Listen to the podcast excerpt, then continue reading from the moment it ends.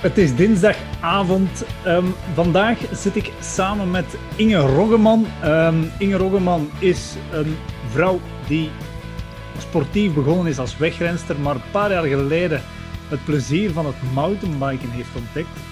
En met Inge gaan we het vandaag hebben hoe dat zij inderdaad begonnen is als fietster, als wegfietster en waarom dat ze eigenlijk een overslag gemaakt heeft naar het mountainbiken. Dan niet alleen, we gaan het natuurlijk ook hebben over haar favoriete fietsplekjes, ehm, zowel in binnen- als buitenland. En natuurlijk de vraag waar we altijd mee beginnen, welke fietsen staan er in haar garage? Hoewel dat ze net tegen mij gezegd heeft dat die fietsen niet in haar garage staan, gaan we het er toch over hebben. In ieder geval, van harte welkom Inge Roggeman. Goedenavond. Ik ben blij dat ik erbij mag zijn. Voilà. Je bent trouwens de eerste vrouw op onze podcast. Dus uh, de, eer de eerste overwinning van het jaar is binnen. Voilà, het is 12 januari bij, deze, bij de opname. Um, Inge, dus zoals gezegd, we gaan eerst eens beginnen. Wat zijn uw offroad fietsen die je op dit moment nog op de plaats hebt staan, die niet de garage is? Goed verstopt. Ja. Um, ik heb nog een, uh, een Epic, mm -hmm. Specialized Epic en een Specialized Stunjumper. Oké. Okay. En um, je, je, je speelt het Specialized merk op sociale media wel heel goed uit.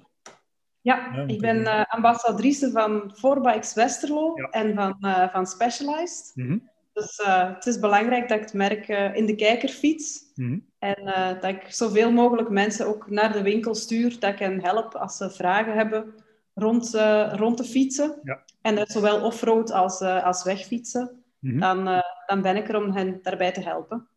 Ja, want zoals gezegd in de intro, begonnen als wegrenster. Hebben nog wegfietsen, je hebt nog wegfietsen, veronderstel ik. Ja, ja ik heb zowel hier als in Spanje nog, nog de wegfiets, ook specialized. Um, maar heel vaak zit ik daar niet meer op. In het zuiden gaan we nog wel vaak op de weg fietsen, ja. omdat er iets uitdagender is. Daar is wat meer klimmen, mm-hmm. daar is het mooi weer.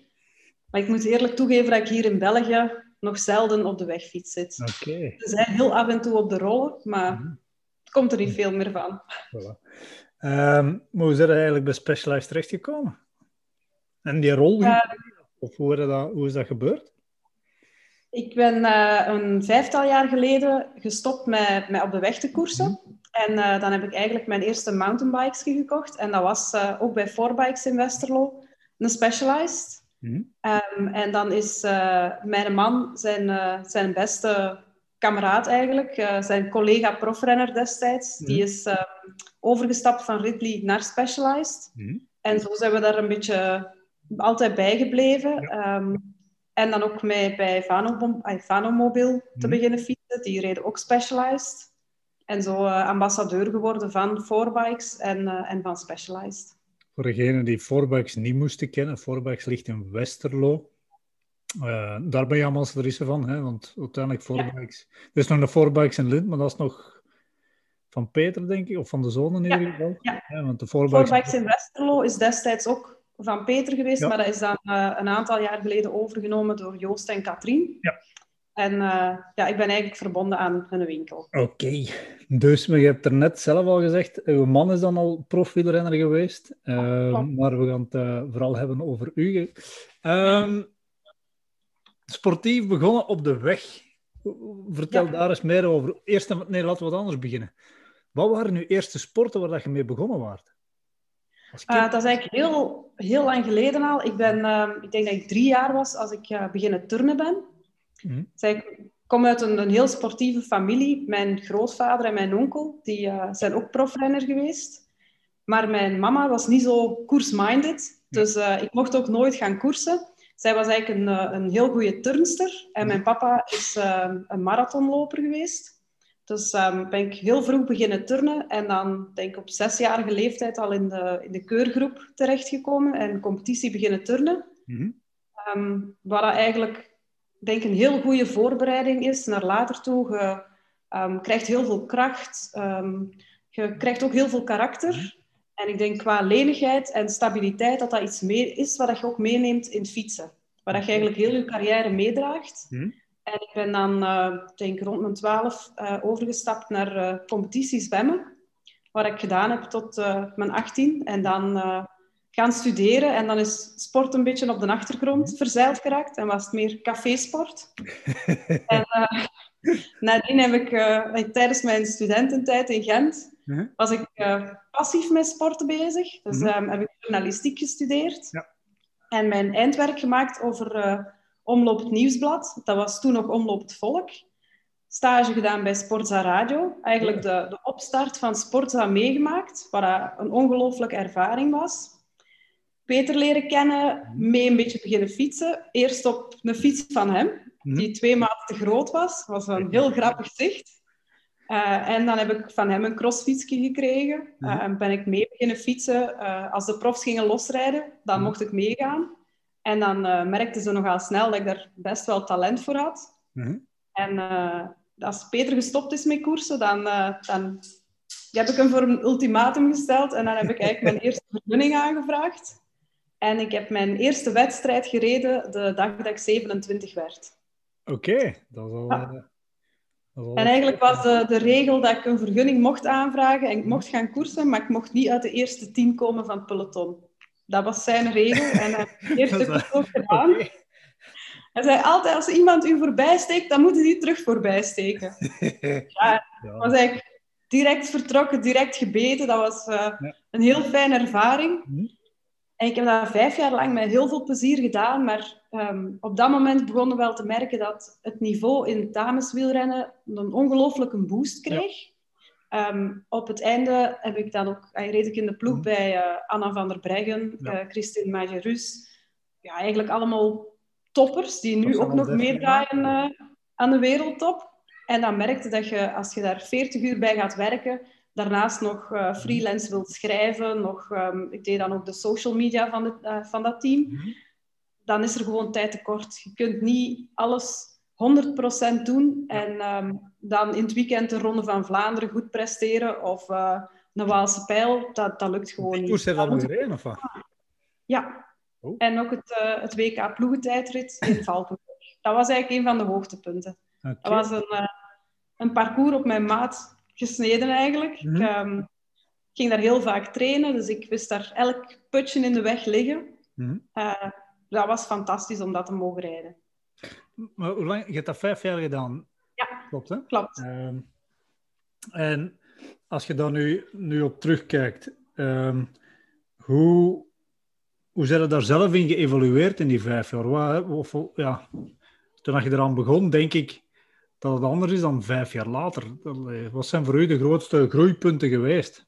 Of het...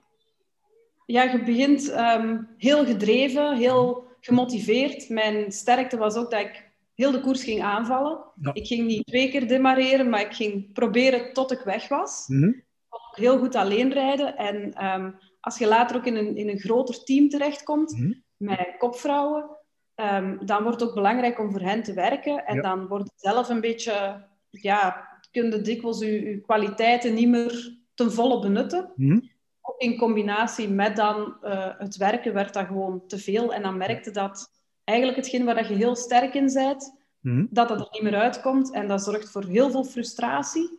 Um, waardoor dat je eigenlijk in plaats van beter te presteren en je eigen te profileren en te laten zien, mm dat je eigenlijk meer achteruit boert en heel ongelukkig wordt van de positie waarin dat je zit. En ja dan moeten gewoon keuzes maken. Oké. En, uh, want ja, je, zit, je, je, vertelt het net zelf, ik denk dat je zo'n beetje op die omslag hebt gezeten van... Ja, als je nu naar het, laat me anders zeggen, als je nu naar het vrouwenwielrennen kijkt, is dat, wordt dat professioneler en professioneler en professioneler. Ik denk dat je zo die omslag wat meegemaakt hebt. Van... Ja, dat klopt. Het werd... Um ja, er werd ook veel meer uh, op stage gegaan, er werd naar het buitenland gegaan. En op dat moment zouden eigenlijk 100% moeten kunnen kiezen voor je sport. Mhm. Als je weet dat je daar het talent en de kwaliteiten voor hebt. Um, maar ik was op dat moment ook op een bepaalde leeftijd. Mhm. Dat die keuze, um, als je een job hebt die goed verdient, een, een vaste job. Mm. Het vrouwenwielrennen stond nog in zijn kinderschoenen. Dat betaalde niet goed. Er waren maar een aantal rensters die daar echt goed van konden leven. En om dan die stap te zetten en een, een job op te geven en te zeggen van ik spring daar nu in, dat is iets stel dat ik tien jaar jonger was geweest op dat moment, dan had ik dat direct gedaan. Dan, uh, dan had ik die stap gezet. Um, maar ja, dat, nu zou dat bijvoorbeeld al meer haalbaar zijn, omdat er ehm, meer UCI-ploegen zijn. Er mhm. zijn meer teams die een, een minimumloon kunnen geven. Dus mhm. ik denk dat jonge meisjes nu die stap veel sneller kunnen zetten. En mhm. dat ook moeten doen als ze de kans krijgen. Maar op dat moment was dat ja, gewoon nog niet aan de orde. En bij welke ploegen heb je dan ja, gereden? Of? Uh, ik ben begonnen bij uh, de Sprinters Malderen. Dat was een heel klein team, maar die zitten nu nog altijd in het peloton. En dat was ook een heel goede sfeer, heel goede begeleiding. Um, bij uh, het Benelux team. Mhm. En dan bij Sengers Ladies team. Dat is eigenlijk het team dat Peter samen met nog twee mannen uit de grond gestampt heeft. Dat is begonnen als een, een klein clubteam. Mhm. Maar um, dat is, na drie jaar was dat eigenlijk het, het vijfde team ter wereld. We stonden bij vijfde op de UCI-ranking. Met dan mhm. onder andere Anna van der Breggen als, als uithangbord erbij. Dus dan weten dat dat uit zijn voegen barst, dat dat te groot wordt om eigenlijk als, als hobby te kunnen blijven doen. Je kunt niet meer de begeleiding bieden dat, uh, dat die toprensters op dat moment nodig hebben. Mhm. En, en Peter op zich, want Peter is uw man voor alle duidelijkheid. Hè? Um, is hij er nu nog mee bezig met die met ploegen? Nee. Nee, nee die uh, heeft er volledig afscheid van genomen. Die heeft dat eigenlijk uh, destijds gedaan om mij te ondersteunen. Een mhm. beetje uit mijn vraag. Hmm. Uh, en heeft dan, ja, ging hij als mechanieker mee in de auto. Ja. Wat dat voor hem op dat moment ook wel heel stresserend was. Want ja, uw vrouw zit in het peloton. Als er valpartijen zijn, je hoort namen afroepen. Dat, is, dat is heel stresserend. Um, en ik denk dat het goed is nu. We kunnen nu samen fietsen. We kunnen samen naar de wedstrijden. Hmm. Het mountainbiken, um, die wedstrijden doet hij eigenlijk ook omdat ik het leuk vind. Ja. Um, hij is meer uh, de marathonman. Hij zou liever marathons gaan rijden. Maar uh, cross-country is er eigenlijk bijgekomen omdat ik dat zo leuk vind en omdat ik daar ook wel best wat aanleg voor heb. Alright. Um, en dan op een bepaald moment... Ja, dat, op een bepaald moment maak ik de keuze van oké, okay, professioneel wielrenner worden. Lukt niet of wil ik niet, omdat ik die, on, uh, die onzekerheid niet wil. Want wat deed je eigenlijk op dat moment van job? Ik werkte toen uh, op Sint-Clara College in Arendonk. Hmm. Uh, wat dan niet mijn grote droomjob was. En wat dat um, achteraf gezien uh, sportief ook wel echt een, een dieptepunt was. Omdat, um, ja, omdat ik daar in een, in een team zat die hmm. helemaal niet sportminded waren. Right. Dus, um, het schoolteam. heel moeilijk om... de school, de, de collega's, ja, sportcollega's en zo hmm. wel. Mhm. Maar uh, het team op het secretariaat waar ik toen in zat, die waren ja, helemaal niet sportminded. En dan is het moeilijk om, om je elke dag te blijven motiveren en om, dat te blijven, om te blijven knokken tegen die mhm. vooroordelen. Dat die sport wel degelijk belangrijk is en dat dat, ja, dat, dat was op dat moment heel moeilijk om dat uit te leggen. Omdat zij ook gewoon niet snapte wat dat, dat allemaal Nee, inhoudt. zij snappen ook niet wat dat, wat dat het inhoudt als je zelf... Ehm, ja, we zitten nu allemaal heel hard in sport en we mhm. weten welke opofferingen dat dat vraagt. Maar um, mensen die, die sport of, of geen bepaalde passie hebben, um, ja, heel uw sociaal leven leidt daar eigenlijk een beetje onder. Hè. Familiefeestjes, um, feestjes met collega's, vrijdagavond blijven plakken of zo, mm dat was er allemaal niet bij. En, uh, en dat begrepen ze eigenlijk helemaal niet. Maar jij had, er op, jij, jij, jij had er op dat moment ook geen problemen mee van die oppo dus tegen opofferingen te doen. Nee, nee, ik heb daar eigenlijk nooit problemen mee. maar ken het, hè? Dat is zo. Ja, heb als student hm. echt geprofiteerd en, en vijf jaar lang, ja, eigenlijk waren dat tien jaar als je alles ja. bij Dat net te zeggen. Echt geprofiteerd uh, in Gent, dus ik heb daar nu absoluut geen moeite mee. Ik ga in de winter nog wel eens graag op stap. Dit jaar lukte dat natuurlijk niet, maar vind dan nog wel eens fijn om, om eens, uh, eens een paar keer op stap te gaan. Maar het is niet dat ik dat elke week uh, de feest wil meepikken of zo. Ja, dat is het, ik, heb ook, ja, ik heb ook zo jaren gehad dat ik zo heel hard ervoor leefde en die dingen ook la, allee, liet gewoon. En heel veel mensen snappen dat echt niet. Hè. Die, dat, dat, je daar je voldoening uit haalt van bij wijze van spreken op tijd in je bed te liggen en de volgende dag fris en monter je fiets op te springen en, en, en dat er allemaal veel te laten. En dat is iets... Ja, dat is eigenlijk heel vanzelfsprekend, omdat ik dan... Uh, ja, Peter was dan prof, dus die, mhm. heeft die opoffering ook altijd gemaakt. We zijn daar eigenlijk samen mee ingerold. En dan vroeg gaan slapen of een feestje afzeggen, dat, ja, dat is eigenlijk heel natuurlijk. Dat, ja, dat is, dat is niet, vreemd of zo. Het we zijn wel de laatste jaren meer aan het genieten. Hè. We zijn wel, we gaan veel vaker uit eten. Ja, nu kan het even niet, maar... Uh, of, of in het weekend een, uh, een, flesje wijn open doen of zo, dat wel. Dus we, pakken het er wel van. Het is niet dat we echt nog op ons eten letten of uh, dat absoluut niet. Ja, maar er blijft op een of andere manier, bij mij is dat toch, en ik denk bij heel veel, hè, want we zijn van hetzelfde jaar, gezegd van 81, denk ik. Hè? Ja. Ja. En dat blijft ergens toch altijd wel wat hangen. Hè? Op een of andere, dat, dat, je gaat wel wat iets meer eten dan vroeger, maar als je dat dan nog altijd vergelijkt met mensen die die levensstijl standaard hebben, vind ik, is dat precies nog altijd minder. Maar oké, dat is ja. ja, of door de week gaat ook minder... Je gaat, denk ik, een beetje compenseren of zo. Mm Dat misschien wel. Ja. Maar op zich. En dan... Um, ja, vijf jaar wegwielrennen gedaan op competitieniveau. En dan wanneer heb je de mountainbike ontdekt? Uh, eigenlijk net daarna. Zoals ik zei, heb ik um, mijn fiets aan de haak gehangen. En dan gingen we voor het plezier nog fietsen, hadden we afgesproken. Hm. Dus dan heb ik een eerste mountainbike gekocht. Dat was een hardtail, een ja. Fate. En uh, ja, wij kwamen van het wegwielrennen. Dus wat is het eerste dat je doet? Dat is je stuur zo smal mogelijk maken, stuur afzagen. Wat dan natuurlijk absoluut geen stabiliteit geeft als je naar beneden rijdt. Maar op dat moment weten niet beter. Ja. Voor ons was mountainbiken, dat was eigenlijk... Um, als wegrenner hier in de Kempen is dat eigenlijk een een wintersport. Je gaat, In de winter gaat het toertochtjes rijden. En dat doe je met een crossfiets of later dan was dat met een mountainbike. Maar wij hadden er helemaal geen besef van dat dat eigenlijk een, een zomersport is. En geleidelijk leerden mensen kennen die, die allemaal in die mountainbike-wereld zitten. Dan, mm Dat is begonnen met eigenlijk uh, wat marathons te rijden. Mhm. Ik heb, uh, de eerste marathon die ik reed was uh, Haute Fagne. Dat is dan nog de mooiste.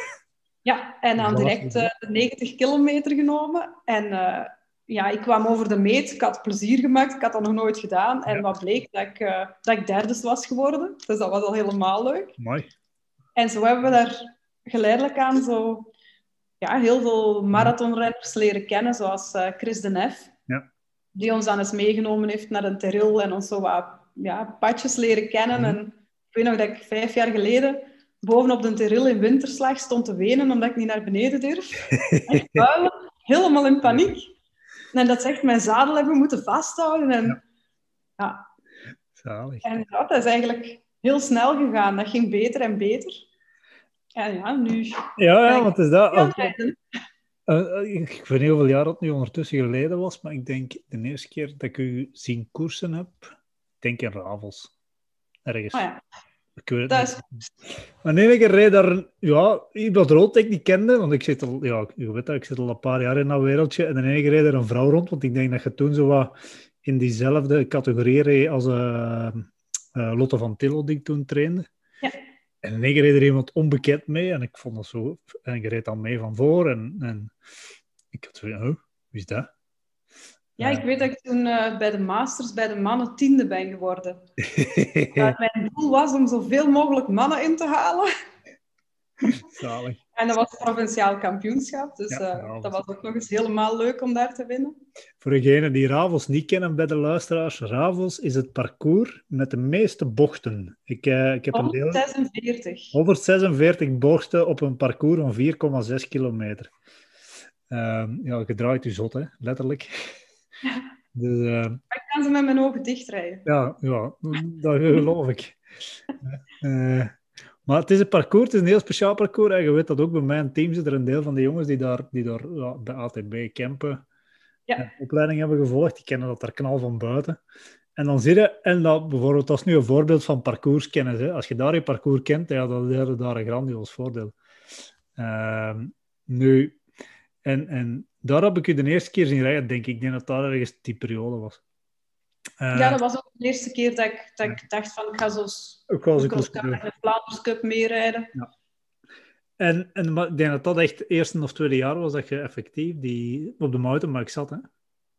Ja, ik had ervoor nog nooit uh, kort een afstand of, of Vlaanders Cup gereden. Ik had een paar marathons meegepikt. Mm En uh, omdat we dan op parcours vaak trainden en donderdagavond zijn er ook zo van die oefenritjes. Mhm. En daar fiets ik ook met de mannen mee. Ik denk, ja, dan, dan ga ik gewoon eens meedoen. Ik had toch een elitevergunning, Mhm. waarom niet? Ja, dat was, was eigenlijk heel leuk. Dat was echt eh, helemaal mijn ding. Ja, Kort en krachtig. Eh, want uiteindelijk, ehm, nu, nu blog je daarover en schrijf je daarover. En je doet eh, al een paar jaar ook zo via social. Je zit er echt door gebeten, hè? Ja, helemaal. Ik ben eigenlijk, ja, vind ik het heel spijtig dat ik dat geen tien jaar vroeger ontdekt heb. Omdat het zo'n een volledige sport is. Ja. Het is. Ja, het is veel meer dan op de weg rijden. Je, je hebt eigenlijk al je spieren nodig. Je- dat heb ik gemerkt op die paar jaar dat ik dan op de mountainbike zit, dat je een heel andere, een heel andere lichaamsbouw krijgt ook. Ja. Je krijgt andere spieren en met cross-country dan worden ook heel... ehm, ja, je wordt heel vinnig, hè. Je, Mhm. Het is heel intensief. Ja. Dus ik vind het veel vollediger, ook technisch. Denk ik dat ehm, echt een meerwaarde is om duidelijk te maken aan crossers, aan wegrensters, wat die mountainbike te bieden heeft. Dat ze Ja, dat eigenlijk sport- moeten kunnen combineren. Het is, het is, als je het puur kijkt vanuit atletisch standpunt, het is, ik blijf dat zeggen, het is de meest onderschatte wielerdiscipline die er is. Ehm, Absoluut. en als je eh, bij een mannen kijkt, Mathieu van der Poel, die zegt van, ik heb er vier jaar voor nodig gehad om te kunnen winnen. En dat is voor mij nog altijd de moeilijkste, de moeilijkste uitdaging geweest. Ja, dat zegt genoeg. En ook gewoon als je dat, als je dat bekijkt vanuit atletisch standpunt, inderdaad wat dat je zegt, techniek, fysiek, kracht, explosiviteit, eh, reflexen, alles zit erin. Ja. Als, je, als je een wegkoers rijdt, allee, heel simpel gezegd, hè, nu ga ik het heel simpel vertellen, bij wijze van spreken, je kunt er een hele dag in het peloton zitten en de laatste 300 meter een sprint doen en je kunt winnen. Het mountainbiken niet. En een slechte dag en een slechte dag en dan word je eraf gereden. Punt. Ja, Eh, En dat vind ik er ook zo mooi aan. Het gaat, je kunt nog materiaalpech hebben, er kan altijd iets gebeuren. Maar in het mountainbike, dan komen toch die, die sterke renners bovendrijven. Terwijl in een, in een wegkoers, heb je twee minuten niet opgelet, dan moet jij nog de sterkste zijn als ze weg zijn. hm. Of dan moet jij, ja, like dat gezegd, een hele dag in een peloton of, of aan de rekker hebben gehangen. Als jij een goede sprint hebt, kunnen die koers winnen. Ja. En dat heb je bij het mountainbiken niet. Want je hebt dan eerst de cross-country ontdekt. Hè? Eh, Ja. En stilletjes aan de enduro, want je zit onder andere eh, bij de Chris, Chris Hersens van MTB Clinics. Zijn er wat clinics gaan Ja. volgen op dat moment? Dat heb ik eigenlijk het afgelopen jaar pas ontdekt. Ik heb vorig jaar in november heb ik die stumjumper gekocht. Hm? En eh, ja, dat is echt fantastisch. Wat je daar leert qua techniek. Ik had ook nooit gedacht dat mij op zo'n late leeftijd te beginnen mountainbiken, dat dat, dat dat überhaupt nog iets voor ons zou zijn. Hm? Maar eh, ik moet zeggen dat ik ongelooflijk veel heb bijgeleerd. Dat daar echt nog heel hard die, die vibe, die, dat is echt een, een levensstijl. Ja. Dat hangt heel hard aan elkaar. Die Hm? jonge gasten, die, die nemen nu ook op sleeptouw. Hè. Die, ja, die vragen om mee te gaan rijden en, eh, en die geven tips. Die zeggen vaak, pak maar even mijn wiel, volg Ja. mijn lijn maar. En dat is zo fantastisch om te zien. En dat smaakt ook naar meer. Je wilt altijd je wilt blijven bijleren, grenzen verleggen. Hm? Eh, normaal gaan we dit weekend ook een jump clinic doen. Ja. Dus ehm, zo'n beetje wat meer leren springen. En die uitdaging, dat is, dat is ongelooflijk. Ja, ik moet zeggen, ik blijf het zeggen. Ik wou dat ik het tien jaar vroeger ontdekt had. Eh, want ja, het was een van de dingen die ik me herinner van, denk ik, een jaar terug of zo, dat ik daar eens zag verschijnen. Dat je inderdaad op een bepaald moment schreef van, ja, dat je bijna een oproep deed van mensen, ga dit doen, want dit is gewoon, allee, als, dit is gren, ja, letterlijk grensverleggend.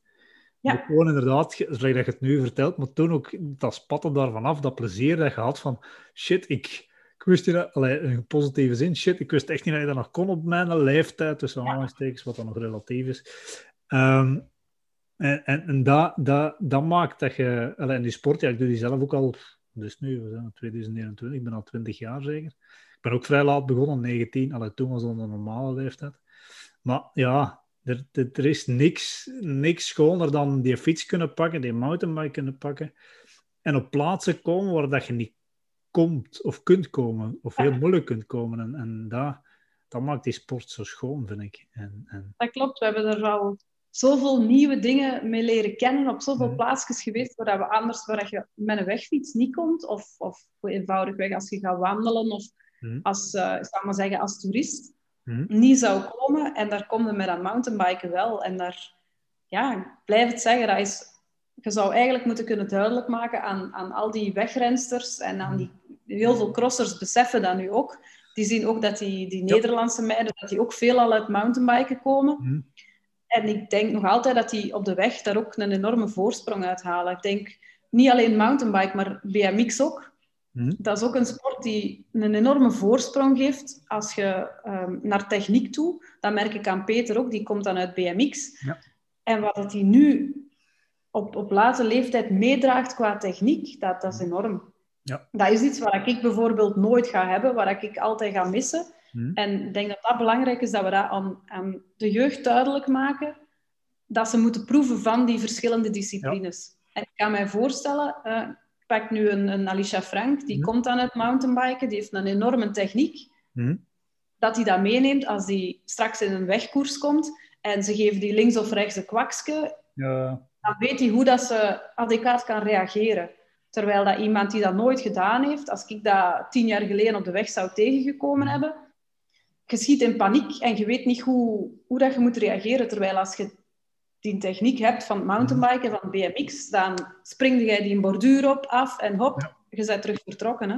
Ja, dat verbaast me soms ook hoe dat sommige, of toch heel, een heel deel wegrenners, eh, ja, als ik dat bekijk op tv, want uiteindelijk kijk ik niet zoveel live naar wegkoersen, allee, in het echt, laat het zo zeggen, op tv wel hoe dat sommige, voor sommige domme rijden op de grond liggen. En ik denk van, allee, joh, dat, en ze zeggen dat ook, hè, dat heel veel wegrenners die puur dat gedaan hebben,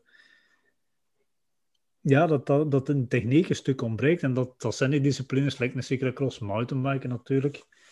Um, dat, uh, ja, dat, je moet dat doen. En als je dat hoort ook, hè, Mathieu van der Poel, maar evenzeer uh, Alvarado, dat zijn nu de bekendste, maar er zijn heel veel wegrenners en cyclocrossers, rensters, die eigenlijk die mountainbike-discipline de leukste discipline vinden. Alleen ja. spijtig, er valt niet genoeg geld in te verdienen en dan maken ze de keuze, en terecht, daar het, daar het nu niet om, maken ze die keuze van oké, we gaan op de weg, want daar kunnen we in verhouding meer gaan verdienen. Maar ik ben ervan overtuigd, als dat geld er zit, zoals in de jaren 90 in het mountainbiken, dan hadden we veel meer mensen die effectief professioneel mountainbiker waren, daar ben ik van overtuigd. Ja. ja, ik denk dat België op dat vlak, eh, ik denk dat we daar best wel kritisch over mogen zijn en dat we dan mogen zeggen dat we in België daar echt wel achterlopen. Ja. Als we zien wat, um, wat dat, we hebben toppers in huis, hè, maar die kunnen niet weerstaan aan die lokroep van het veld of van de weg. Hm. Puur omdat daar de sponsoring en het geld zit en de ondersteuning. Ik denk dat er ehm, veel meer moet gedaan worden. Mhm. Bijvoorbeeld ook van Belgian Cycling uit, mhm. denk ik dat er meer kan gebeuren om, uh, om die toppers op de mountainbike te houden. Ja, en, en het, het, probleem zit hem echt puur. Ik heb die evolutie meegemaakt. Ik heb de jaren 90 als supporter meegemaakt en een beetje. Um, en gezien dat die dat, jaren 90, begin jaren 2000, daar zijn er veel naar het mountainbiken gegaan, omdat er ook effectief geld mee te verdienen viel. Ehm, en dat is een stuk weggeëpt. En langs de andere kant heeft het ook met een cultuur te maken. Als je kijkt naar Zwitserland, die hebben op een bepaald moment daar de keuze gemaakt van kijk, uh, en Friesknecht was daar eerste in. Je zegt van ja, ik ga naar dat mountainbiken gaan, zeker in die jaar dat dat Olympisch is geworden. En daar valt dan geld in te verdienen. Maar wij hebben een cultuur van het veldrijden en het wegwielrennen. En van zodra dat je Alpecin Phoenix, om, maar, om een ploeg te noemen, die steken daar wel een tijd en geld in. Uh, omdat die zeer bewust die keuze maken. Maar dat ook een stuk te maken, Tom Bonen had dat ook altijd gezegd. Als ik echt mocht kiezen, dan ging ik mountainbiken. Maar ja, daar kan ik geen 2 miljoen per jaar mee verdienen. Ja. Dus... ja, het is heel spijtig. En ik denk dat ook een beetje, like dat gezegd, cultuur is. Mhm. De mensen kennen het hier niet. Ja. Ik heb uh, vorig jaar uh, ik heb dat al een aantal keer gezegd, kreeg ik een, een telefoontje van een, uh, een sportjournalist. Hmm. En die belde mij op en um, dat was uh, rond het PK op de weg. Ja. En die zei van, ja, kijk, ik bel u op, want je bent een van de favorieten. En dan moest ik echt tegen die... Dat was iemand die ook pas begon. Ehm, die ook de, de geschiedenis niet mee had. Die, ja, denk ik, ook niet echt goed geïnformeerd was. Ik zelf moeten zeggen van, ja, kijk... Ik ben eigenlijk wel al vijf jaar gestopt met op de weg te koersen. Dus ik denk niet dat ik favoriet ben, want ik neem niet eens deel. Maar ik ben wel uh, provinciaal kampioene mountainbike. En dan zei die droogweg... Tja, dat is ook een sport, hè. dat heeft mij zo gepakt, dat heeft mij zo eigenlijk een beetje boos gemaakt.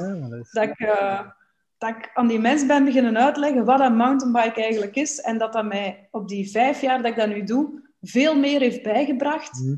dan dat wegrennen op tien jaar tijd.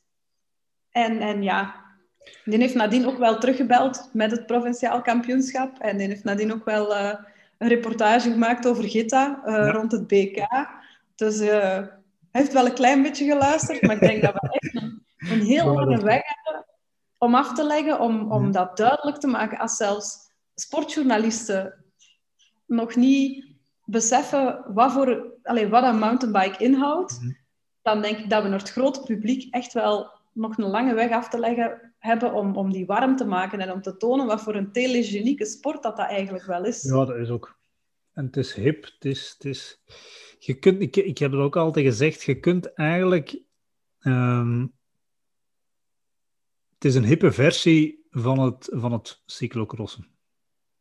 Denk ik. Ja, het, of ja, moet zien wat maar uiteindelijk het cyclocrossen op zich, we hebben die cultuur en voor een stuk daartegen boksen, dat hoeft, allee, dat hoeft ook niet en dat gaat ook niet, omdat je inderdaad... Niet, want het crossen kan perfect in de winter en het mountainbiken kan, kan daarin overlopen. Dus, maar als je dan, als je dan, als je dan gaat kijken naar de wereldbekers, letterlijk, of naar, naar een, zelfs een Coupe de France, of daar in een tijd de Bundesliga, Duitsland, Zwitserland, ja, dat, dat brengt hetzelfde aantal mensen op de been dan dat je hier naar een cyclocross gaat zien. Ja. En en als je dan ziet de verscheidenheid aan mensen, aan supporters die daar rondlopen, ja, dat, dat, dat, dan zie je echt dat dat een wereldsport is. En, en dat is, dat heeft een stukje natuurlijk met cultuur te maken, maar die, ja, dat internationale, dat is heel raar. In Wallonië spreekt dat meer aan dan in Vlaanderen. Al, ik wil dat niet communautair gaan klinken, maar dat is gewoon een realiteit. Um, en en dat, ja, dat, die, dat spijtig dat dat, dat, niet een stuk ja, erkend wordt, maar ik, ik heb zo dat eerder gevoelsmatig. Binnen een paar jaar, je zit dan nu al een klein beetje switchen. Binnen een paar jaar denk ik dat we wel terug, en ik hoop, ik hoop al al tien jaar, maar goed, binnen een paar jaar hoop ik echt dat die, denk ik echt dat we, dat we stilletjes aan die switch aan het maken zijn. En dan zelfs denk, volgens mij, meer en meer ploegen, wat dat Alpes in Phoenix aan het doen is, hè, zo die, die verschillende disciplines samen gaan combineren. En dat kan perfect, hè. Je kunt perfect een winter crossen. Ik heb dat jarenlang niet gedacht, maar eigenlijk gaat dat wel. Je kunt perfect een winter crossen. En als je wat goed uitdenkt, kunnen dat combineren met een mountainbike. Want die twee disciplines hangen wat dicht, dicht bij elkaar. Dus. Het gaat niet iedereen gegeven zijn om een heel jaar op topniveau in alle verschillende disciplines te presteren. Hmm. Maar dan moeten de wedstrijden eruit pikken, of als voorbereiding, of ik denk wel dat dat, dat dat een mooie combinatie kan zijn. En als meer en meer rensters dat ook gaan mhm. beseffen, dan denk ik dat dat niveau in het mountainbiken... Ik denk dat dit jaar eigenlijk al heel veel uh, van de crossers mhm. Van plan waren om, uh, om een aantal mountainbike-wedstrijden, al is het maar van de Flanders Cup, maar om mhm. die mee te pikken ter voorbereiding naar um, naar het crossseizoen. Maar ja, door, door heel het gebeuren van, van corona zijn die wedstrijden ook gewoon niet doorgegaan. Maar ik denk wel dat ze meer en meer dat besef beginnen hebben, mm. dat ze daar echt wel iets kunnen uithalen. Dus hopelijk, als dit jaar doorgaat, ja, mm. vinden ze wel de weg naar mountainbiken. En weet je wat je ook hebt? is zo, op een of andere manier en, en jij bent daar het perfecte voorbeeld van je, je, kunt je altijd uitdagen op zo'n mountainbike-wedstrijd. En ik blijf dat... Ik heb zelf nooit op de weg gekoerst. Op de weg je dan minder, denk ik. Ja, er, je blijft altijd grenzen verleggen. En daar heb je in mijn ogen op de weg minder. Je blijft altijd, je wilt altijd net dat beetje meer. En als je ehm, iets van techniek bijleert, wilde net nog dat stapje meer. Dan mhm. wilde een wheelie kunnen, of je wilt een bunny hop kunnen, of je mhm. wilt er is altijd wel iets dat je kunt bijleren. Dat stopt nooit. En dat gaat ook zijn voor mannen die op, op superhoog niveau rijden. Die willen dan grotere gaps springen of weet ik veel wat. Ja, en het gaat ook om gewoon letterlijk sneller naar beneden rijden. Hè? Zelfs ja. naar beneden rijden, bij wijze van spreken, als je wat kunt mountainbiken, dat kan iedereen. Maar het gaat op een bepaald moment gaat het over hoe snel kunnen naar beneden rijden. Ja. En dan zijn er wedstrijden aan het doen. En dat is... Dat is dat... En, maar alleen, natuurlijk, geld, zo werkt sport nu eenmaal. Er zit geld van zodra er tv op zit. Hè. Ja. En, ja, ik denk dat we ook een beetje moeten mhm. journalisten een beetje warm maken. Als, als er één iemand tussen zit die daar echt door gebeten wordt en mhm. die dat je mee kunt krijgen en die dat er op een of andere manier meer aandacht aan kan schenken, dan, ja, dan zijn ze vertrokken. Hè? Maar je moet natuurlijk iemand vinden die, die daar echt op wilt focussen. En die, ja, de meeste van die mannen zijn weg of cross. Hmm. Ehm, maar ik denk dat dat belangrijk is, dat we tonen dat het mountainbike en, en ook BMX, twee heel technische disciplines, dat we die wat proberen in de kijker te zetten en, en daar die mannen ook warm voor krijgen. En dan gaat, uh, gaan de renners en de rensters vanzelf wel volgen, natuurlijk. Ja, zeker en vast. Uh, als je dan nu zag, dit jaar bij net als speciaal jaar, eh, Alvarado, die dan de weken voor Novemesto ging rijden en dan uiteindelijk de last minute toch beslist van aan het WK deel te nemen. Natuurlijk omdat ze ook wist van ja, ik maak kans op een medaille en om te winnen en noem maar op. Maar gewoon omdat ze het gewoon ook zo plezant vindt. Ja. En, ja, daar zit hij het En, en, en, en als je, als je um, Mathieu van der Poel hoort, ja, als hij echt moet kiezen, dan kiest hij voor het mountainbiken. Dit jaar ook, ja, voor mij is alles die spelen en noem maar op. En, dus dat, ja, bij wijze van spreken, blijven strijden, dan komt dat wel terug goed, om het zo maar te zeggen. Uh, en we hebben, we hebben ook letterlijk talent dat aanwezig is. Hè. Maar natuurlijk, op dit moment, wat gebeurt er? Is, dat is ja, een soort verhaal van waar, in welk café zit, waar, in het café waar het meeste volk zit, daar gaat nog meer volk naartoe, want daar zit het meeste volk. Maar daarom is dat niet het beste café. En dat is net hetzelfde in die discipline. Nu, um, je, je bent zeer gepassioneerd door het mountainbiken, en we hebben dat nu gehoord, maar je bent ook uh, zeer gepassioneerd in schrijven en in ja, content maken. Um, En sinds een paar maanden. En, het, misschien het noodzaak is dan het juiste woord dat ik nu zeg, gebruik. Flamingen uitgedokterd. Wat is dat juist? Nee, Nee, dat is eigenlijk niet uit noodzaak, maar ik had het gevoel, ja, ik word uh, dit jaar ook 40. Hmm. Dus uh, als ik. oh. Ja, het is dezelfde situatie. Um, maar uh, het is nu eigenlijk het moment, als ik zelf iets wil starten, um, moet ik het nu doen. Ik moet daar geen tien jaar meer mee wachten en tien jaar 9 to 5 gaan werken, waar dat je eigenlijk, als ik heel eerlijk ben uh, tegen mezelf, waar dat ik niet heel gelukkig van word, hmm. dan moet ik het nu doen. En dan heb ik eigenlijk, uh, ja, ben ik gestart met Flamingen. Mm Eigenlijk ja, Flamingen communicatie. Een mhm. beetje flamboyante, kleurrijke, energieke communicatie. Okay. het uh, schrijven van teksten, mhm. websites, content maken. Mhm. Um, kleine bedrijven helpen met een social media. Instagram, LinkedIn, Facebook. Daar content voor maken, hen een beetje op weg helpen, zodat ze zelf verder kunnen. En in bepaalde gevallen ook um, hun accounts beheren. Ja. En dan ook bloggen over fietsen. Ja. Dus over mijn eigen ervaringen, over materiaal dat ik ga testen, um, over ja, hoe dat ik het mountainbiken ontdekt heb, mm over die stap naar enduro. Ja. Al die dingen um, wil ik ook gewoon delen met, met lezers. Mm om te tonen hoe fijn dat, dat wel is en om hen ook over de streep te trekken, om, om dat zelf gewoon te proberen. En dat lukt ook wel, wel Krijg je er veel reacties uh, op? ja, op, um, op, sociale media krijg je ongelooflijk veel reactie. En mm -hmm. um, ook van... Uh, ik heb bijvoorbeeld al uh, ex-collega's die momenteel aan het mountainbiken zijn, die dit jaar een koersfietsje gekocht hadden, die mee beginnen fietsen zijn en die nu die stap gezet hebben naar mountainbiken. Je krijgt heel veel reacties, mensen die vragen hebben over zadels of over kleding.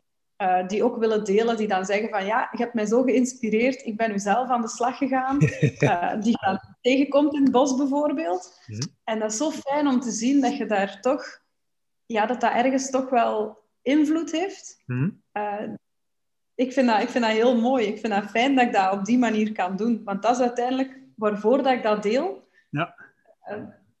om gewoon, niet alleen vrouwen, maar om, om vrouwen, mannen, kinderen, mhm. whatever, om iedereen over de streep te trekken en te zeggen van, kom aan mannen. Of die dan heel trots sturen van, ja, ik ben vandaag in, uh, in Beringen van een drop gesprongen. Ja, dat is leuk. Ja, zo boven die, die vier mhm. dropjes, die dan filmpjes sturen, dat ze stap voor stap die allemaal doen. Ik vind, dat, ik vind dat fantastisch dat ze dat dan ook met mij willen delen en dat je hen daar een beetje in kunt pushen en, en kunt helpen. Nice. Dat is echt wel, uh, dat is echt wel heel tof.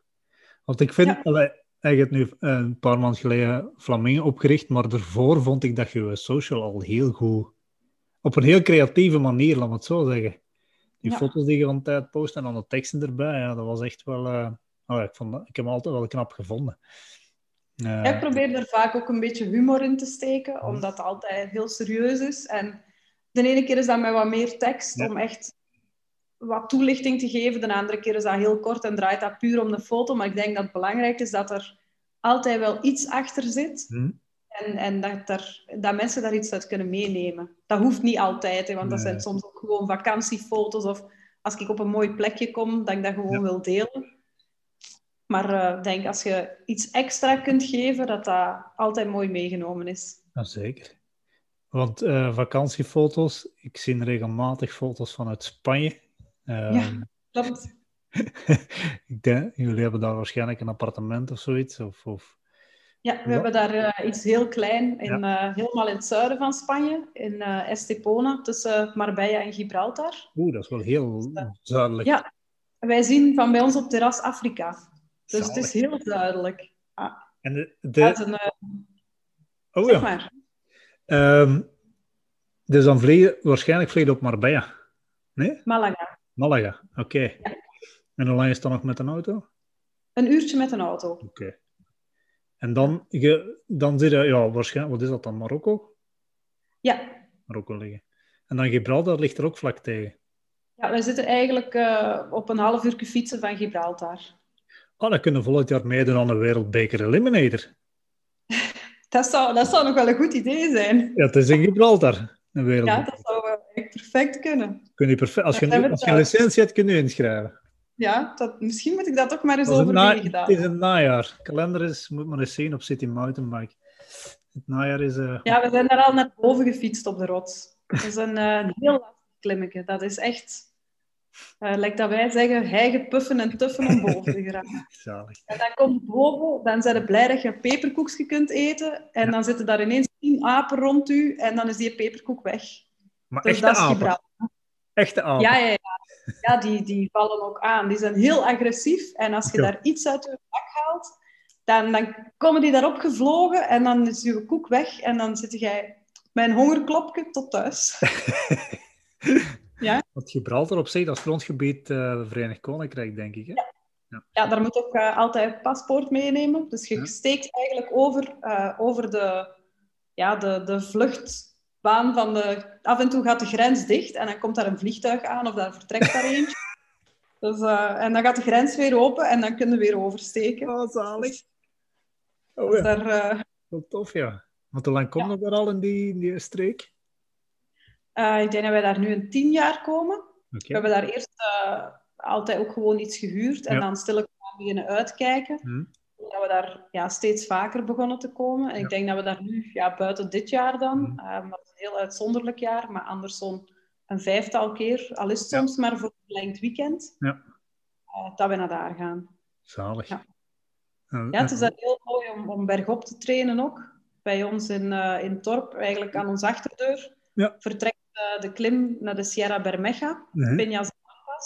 Die is ook in de, in de Vuelta al gedaan mm -hmm. hebben. heeft Koenig daar gewonnen. Mm -hmm. En in um, de Vuelta Andalusia heeft uh, Valverde daarboven gewonnen. Right. Dus dat is een, uh, een pittig klim. Je moet heel goed doorrijden en dan zit je binnen, binnen het uur boven. Maar dan, dan moet dat gas geven. Dan moet dat gas geven. Want hoe lang is die klim?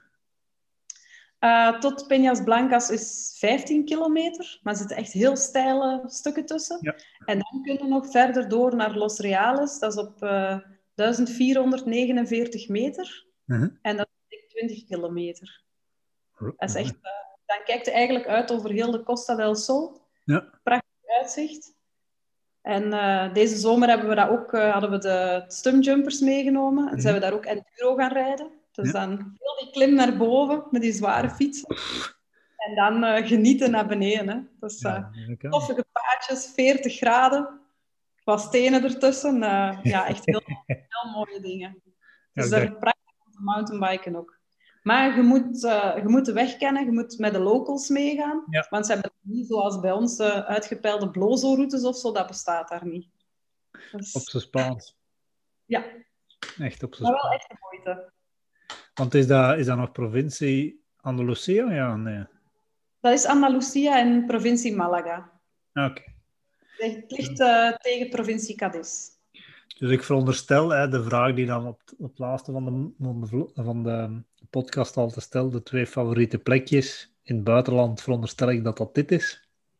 Estepona is er zeker één van. En dan is er nog een plekje dat we deze zomer uh, ontdekt hebben. Mhm. We zijn afgelopen zomer uh, met een auto naar daar gereden. Dat is um, ehm, 2470 kilometer. Dus dat hebben we niet in één keer gedaan. We zijn uh, onderweg, net onder Andorra, zijn we gestopt in La Molina. Is een heel klein skigebied, ja. waar ooit nog denk een wereldbeker downhill of een WK downhill geweest is. Kunnen, ja heel lang geleden, dat heeft uh, Nico Vink mij onlangs verteld, dat hij daar nog uh, WK Downhill gereden heeft. En uh, dat, is, dat is prachtig.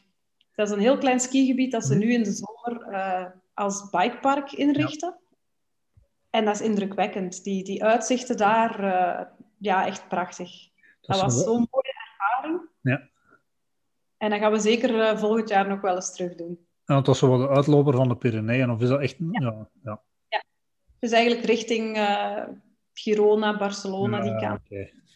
Want uh, een paar weken terug had ik Jan Schuurmans, bij wijze van spreken, aan de lijn. Die zei ook zo de kanten Girona. Zo, dat is eigenlijk prachtig om... Allee, Lomolina zal wat hoger liggen, maar Girona is eigenlijk ook prachtig om daar te gaan... Uh, te ja, gaan. heel veel eindeloze single tracks ook daar. Hè.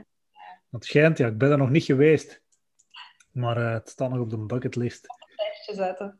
Maar uh, als je niet in Spanje zit, in eigen land, wat zijn voor u de mooiste plekjes? Um, dan zijn er ook wel een paar. Dat hangt een beetje af van, van de discipline en van het moment. Hmm. Want um, ja, zelfs nu, als het echt zo overal heel vettig ligt en uh, ik ben zo geen moddervreter, ik ben meer van de stoffige, droge padjes. Uh, en dan is zelfs nu Ravels ideaal. Je kunt daar nu gaan, gaan rijden, je kunt daar twee uur rondrijden en je moet je fiets niet poetsen. Hè? Ja, dus campergrond. Om, om op dit moment te trainen, ja, er zijn er heel veel die een beetje een haat-liefde verhouding hebben met ravels, wat ik uiteraard heel goed snap. het is niet uh, uitdagende parcours qua hoogtemeters of zo, maar het is wel, uh, wel goed om, om op dit moment um, ja, een goede flinke training te gaan doen. Hmm. Um, en dan uh, om te koersen in België zou ik zeggen Hoefalize. Ja.